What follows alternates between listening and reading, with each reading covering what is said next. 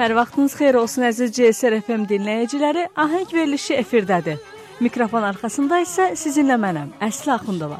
Bir neçə efirdir ki, Azərbaycan bəstəkarları haqqında danışırıq. Bu gün də növbəti bəstəkarın həyatından bəhs edəcəyik. Günümüzün bəstəkarı Ələkbər Tağıyevdir. İfanı dinləyək, sonra söhbətimizə başlayarıq.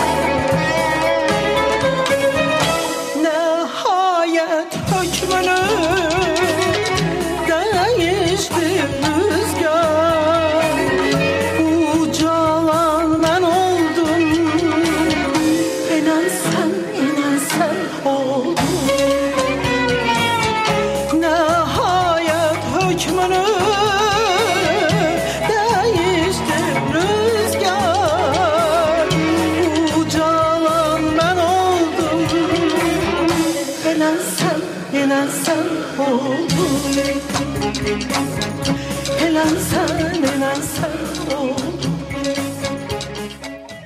Sadə kasıb bir ailənin övladı idi. O qədər kasıb idilər ki, beş qardaşın çölə bayıra geyməyə cəmi bir şalvarı vardı. Səhər kim tez yuxudan dursaydı, şalvarı geyinib məktəbə getmək də onun payına düşərdi. Və bu mübarizədə daha çox Ələkbər qalib gələrdi. Yarım əsrdən artıq vaxt keçsə də, onun bəstələdiyi mahnılar bu gün də yaşayır, sevilir, ifa olunur və tanınır. Heç bir fəxri adı olmayan, bəstəkarlar ittifaqına üz seçilməyən, adi qəbristanlıqda sadə bir insan kimi torpağa tapşırılan, lakin hər zaman xalqın sevimli bəstəkarı olan Ələkbər Tağıyev kimi.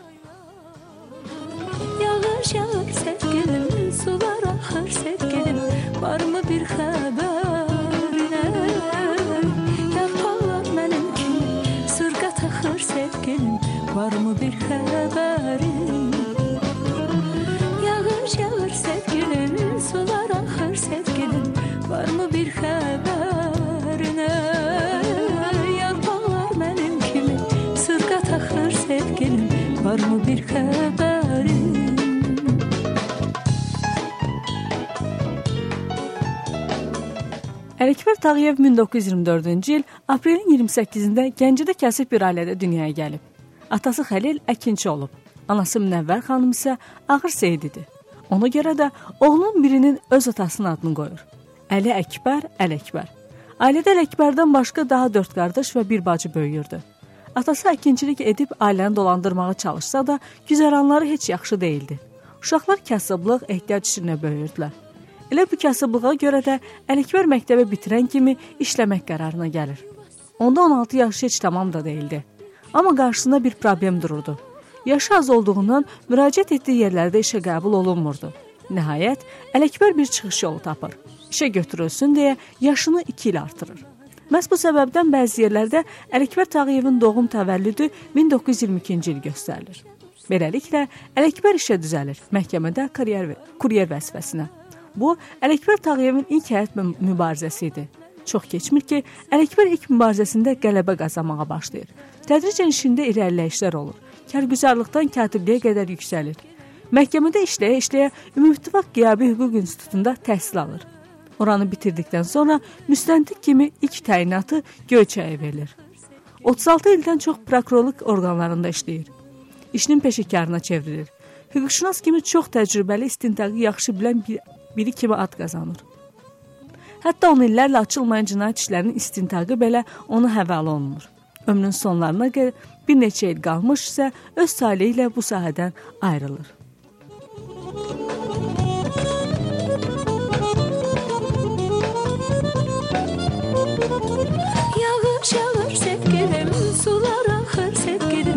var mı bir haberine Yapan var benim kimi? Sırga takır sevgilim. Var mı bir haberin Yağış e, yağır sevgilim. Sular akır sevgilim. Var mı bir haberine Yarpan var gelin kimi? Sırga takır sevgilim. Var mı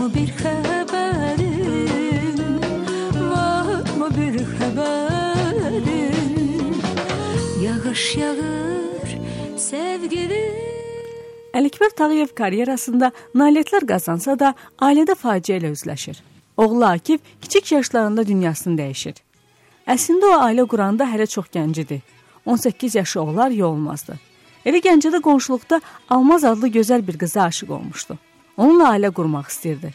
Ancaq kasıblıq qarşısına bir sədd çəkmişdi. Toy eləməyə imkan yox idi. Bir də başqa problem vardı. Almaz xanımın anası erməni idi. Ona görə Münəvvər xanım bu izdivacı o qədər də razı değildi. Ancaq heç nəyə baxmayaraq Ələkbər çox sevdiyi Almaz xanımdan üz döndərmir və onu qaçırmaq qərarına gəlir. Qatı dindar olan Münəvvər xanımın istəyi ilə Almaz xanım müsəlmanlığı qəbul edir və evin gəlini olur. Ailə qurduqları ilk illərdə ehtiyac yenə onlardan əl çəkmir. Almaz xanım xatırlayırdı ki, qışda üstlərini örtmək üçün yorğanlar da yox imiş. Bircə şinelləri vardı. Onunla da bir qışı bir təhər yola verirdilər. Əlikbər Tağıyevin üç uşağı olmuşdu. Akif, Zemfira və Namik. 7-8 yaşında Akif asma xəstəliyinə tutulur. Nə qədər çalışsalar da uşağı xilas etmək mümkün olmur.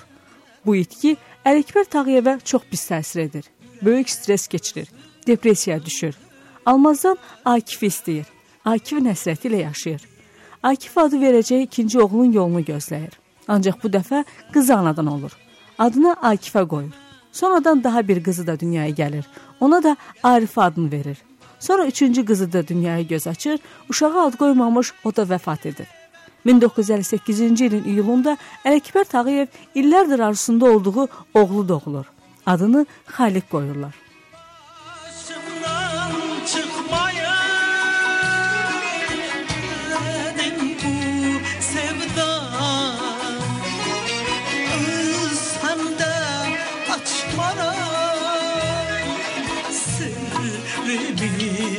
Da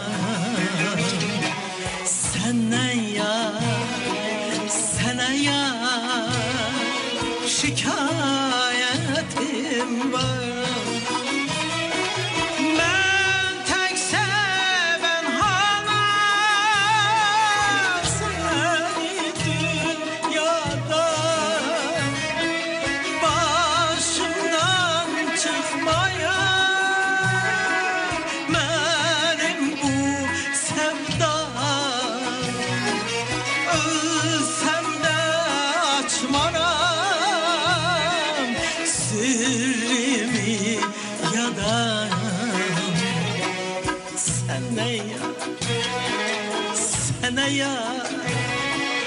şikayetim var. Sənə yar, sənə yar şikayetim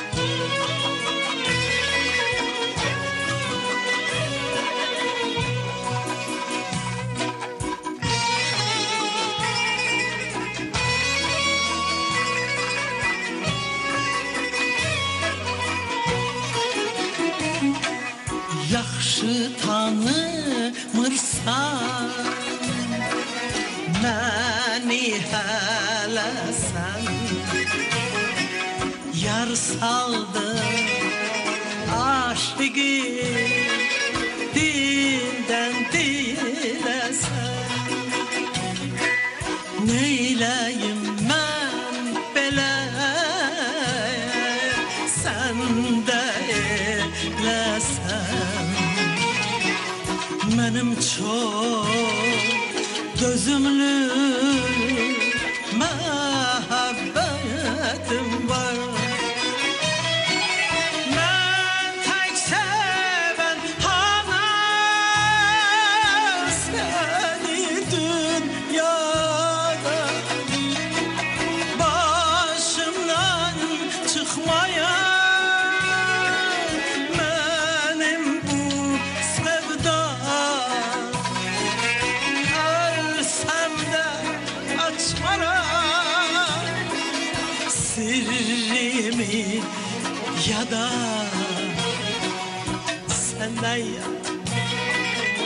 sənə ya şikayetim var Bir dəfə Ələkbər Tağıyev göy-göy seyr edən zaman gözlənilmədən bir musiqi zümzümə etməyə başlayır. Beləcə, Ələkbər Tağıyevin bəstəkar kimi ilk mahnısı olan Qonşu qız yaranır. Həmin mahnı birinci növbədə yaxın dostları Əhməd Bakıxanova və Qəmbər Hüseyniyə dinlətdirir. Onlar müsbət rəyini alır və elə o vaxtdan ömrünün sonuna qədər yüzlərlə mahnı bəstələyir. Əvvəl-əvvəl olduqca böyük çətinliklərlə qarşılaşır. Musiqi savadı olmayan, not bilməyən bəstəkar musiqiləri zümzümə edib yapon maqnitofonlarına yazır. Sonradan onları musiqi təhsili alan qızının köməyi ilə nota köçürür. Ancaq az sonra Ələkbər Tağıyev Asəf Zeynallı adlı musiqi texnikumuna daxil olur. Oranın bəstəkarlıq fakültəsini bitirir və çox qısa zaman ərzində Ələkbər Tağıyev bir bəstəkar kimi ad-san qazanmağa başlayır. Mahnıları dildən dilə dolaşır. Hər yerdə ifa olunur, tanınır. öter, iller döner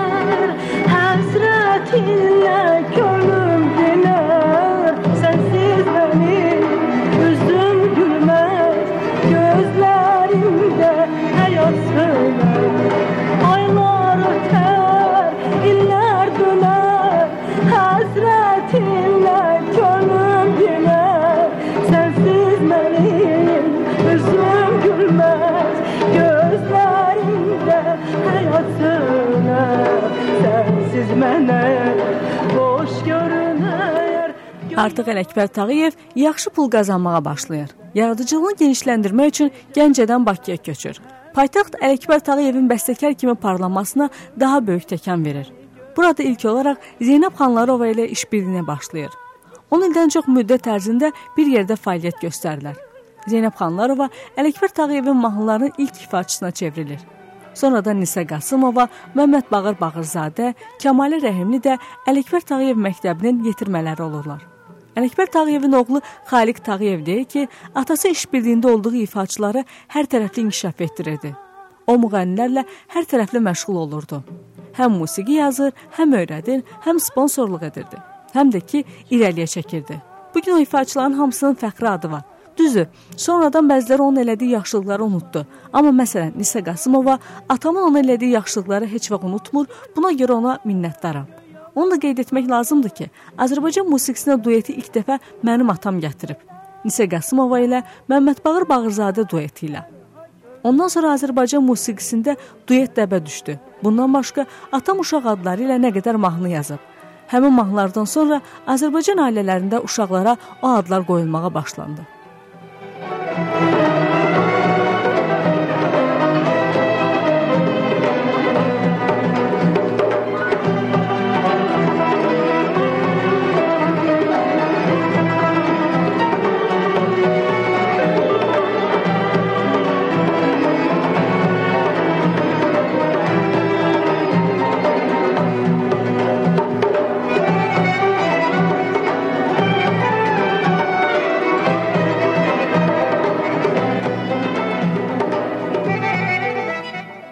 Tanındıqca, müğənnilərlə işlədikcə onun da haqqında bəzi dedikodular deyildi, şayələr yayıldı.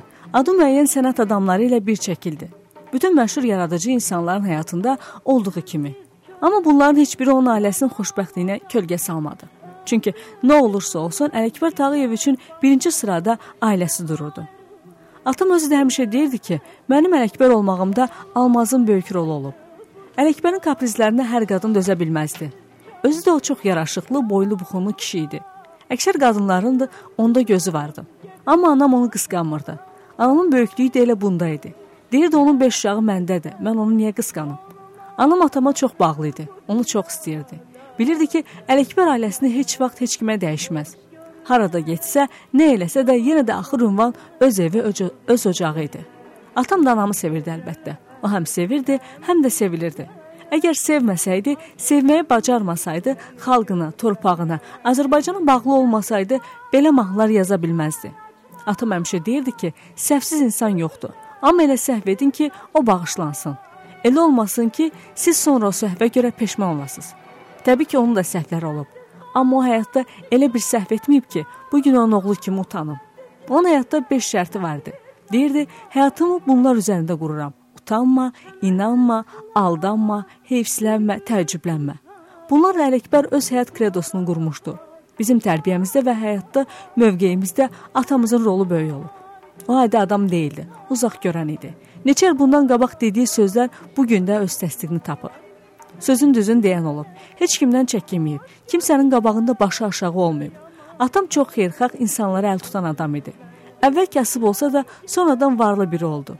Sovet dövründə atama dünyanın hər yerindən çeklər gəlirdi. Biz indiyə kimi onun çörəyini yeyirik. Mahnılarının qanararını alırıq.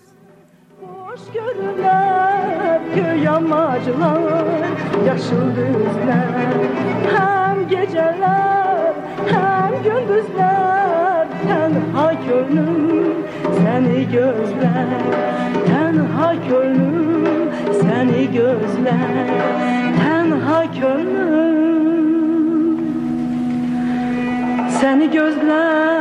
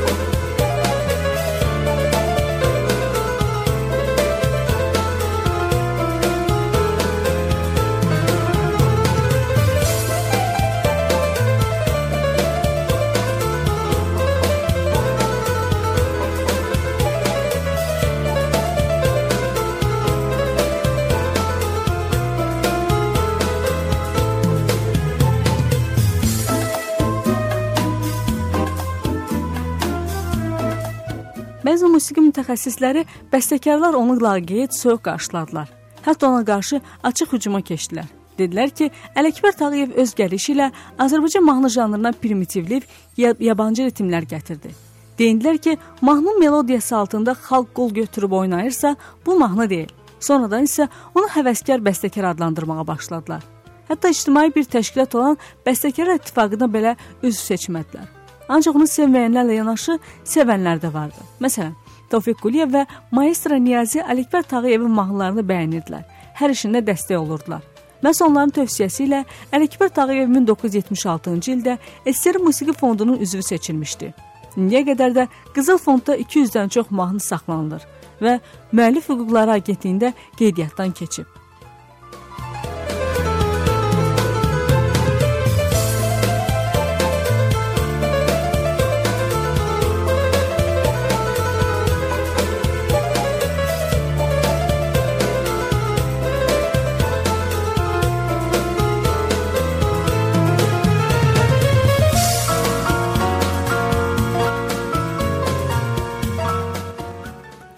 Tağıyev xatırlayır ki, atası hər gün səhər saat 5-də yuxudan oyanır, bir neçə melodiya yazır, nahar edəndən sonra isə onların üzərində çalışmağa başlayırdı.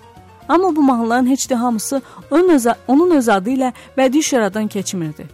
O vaxtlar atam bədii şuraya 5-10 mahnı birdən gətirib verirdi. Hamı da məhdəl qalırdı ki, bir adam bu qədər mahnı bəstələyə bilər. Onun yerdə mahnılardan bir ikisi bədii şuradan keçirdisə, çoxu kənarda qalırdı. O da həmin mahnıları xalq mahnısı adı ilə şuradan keçirirdi. Məsələn, Araqçının məndədir ceyran, endin bulaq başına, sənsən və s. Deyirdi mən bu mahnılar yazmışam ki, xalq eşitsin. Qoy mənim adım getməsin, eyb yox. Amma axır əvvəl haqq öz yerini tapacaq.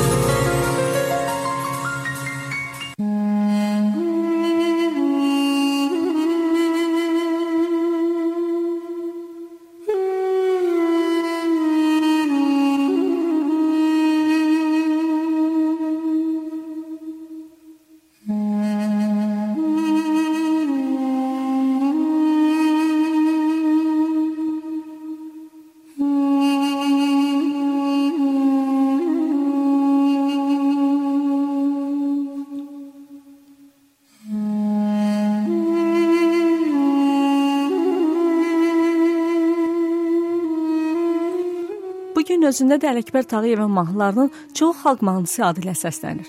Amma Ələkbər Tağıyevin mahnıları illərdir unudulmur. Nəinki Azərbaycanda, Türkiyədə və digər ölkələrdə də sevilir, ifa olunur. Onun son illər daha çox səslənən mahnılardan biri Sən gəlməz oldu mahnısıdır. Bu mahnı Fransada dünyanın 40 ən yaxşı mahnısından biri seçildi. Sən gəlməz oldun, əmim oğlun həyat yoldaşına əsir olunub. Atamın qardaşı oğlun həyat yoldaşı. Sevda çox gözəl xanım idi. Uşağı olandan sonra gənc yaşda xərçəng xəstəliyinə düçar oldu. Övladın heç bir yaşı olmamış dünyasını dəyişdi. Atam həmin dəfində iştirak etmişdi. Bu hadisə yas mərasimi ona elə təsir edir ki, evə gələn kimi bu mahnını bəstələyir. Sən gəlməz oldun, həmin gəlinə ithaf olunub.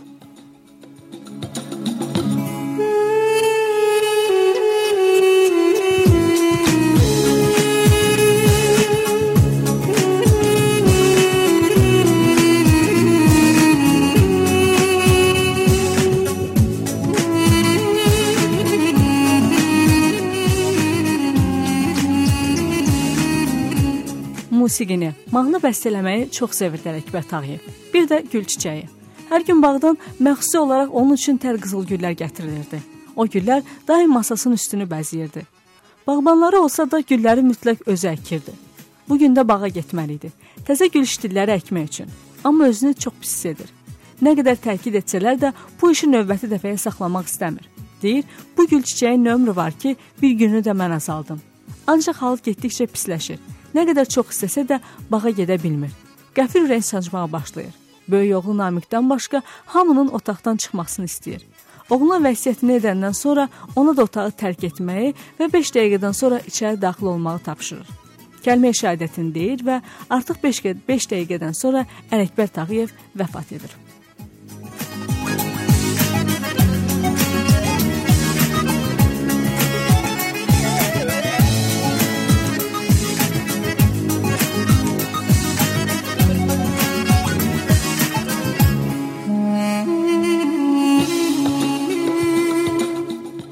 Ələkbər Tağıyev doğum gününə 12 gün qalmış 1981-ci il aprelin 12-sində, aprelin 16-sında dünyasını dəyişir və Maçdağı Seyidlər qəbristanlığında torpağa tapşırılır.